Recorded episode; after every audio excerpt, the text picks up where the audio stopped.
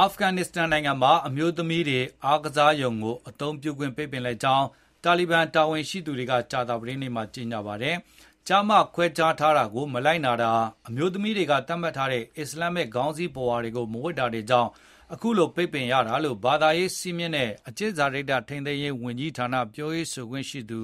Mohammad Akif Mohajer ကပြောပါတယ်။ အားကစားရုံတွေနဲ့ ပန်းခြံတွေကို အမျိုးသမီးတွေလာရမယ့်ရက်နဲ့ အမျိုးသားတွေလာရမယ့်ရက် ခွဲခြားထားပေမဲ့မလိုက်နာတဲ့အတွက် အမျိုးသမီးတွေကို ပန်းခြံနဲ့ အားကစားရုံတွေကို လာရောက်ခွင့် ပိတ်ပင်ရတာဖြစ်တယ်လို့ ပြောရေးဆိုခွင့်ရှိသူက ပြောပါတယ်။အမည်မဖေါ်လိုတဲ့ အမျိုးသမီး ကာယသင်တန်းဆရာမတဦးကတော့ အမျိုးသားနဲ့ အမျိုးသမီး အတူတကွ လေ့ကျင့်ခန်းလုပ်တာမျိုး မရှိကြောင်းနဲ့ တာလီဘန်တွေပြောတာ မမှန်ဘူးလို့ AP သတင်းဌာနကို ပြောဆိုခဲ့ပါတယ်။ကြာသပတေးနေ့မှာပဲ စည်းကမ်းထိန်းသိမ်းရေး ဝန်ကြီးဌာနက ၂ ဦးရောက်လာပြီး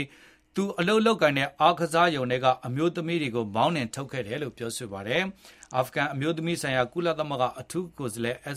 Alison Davidian ကတော့ဒီပိတ်ပင်တားမြစ်မှုကိုရှုတ်ချလိုက်ပြီးဒါဟာအမျိုးသမီးတွေကိုအများပြည်သူဆိုင်ရာနေရာကနေစနစ်တကျခွဲခြားဖယ်ထုတ်တဲ့သာဓကတ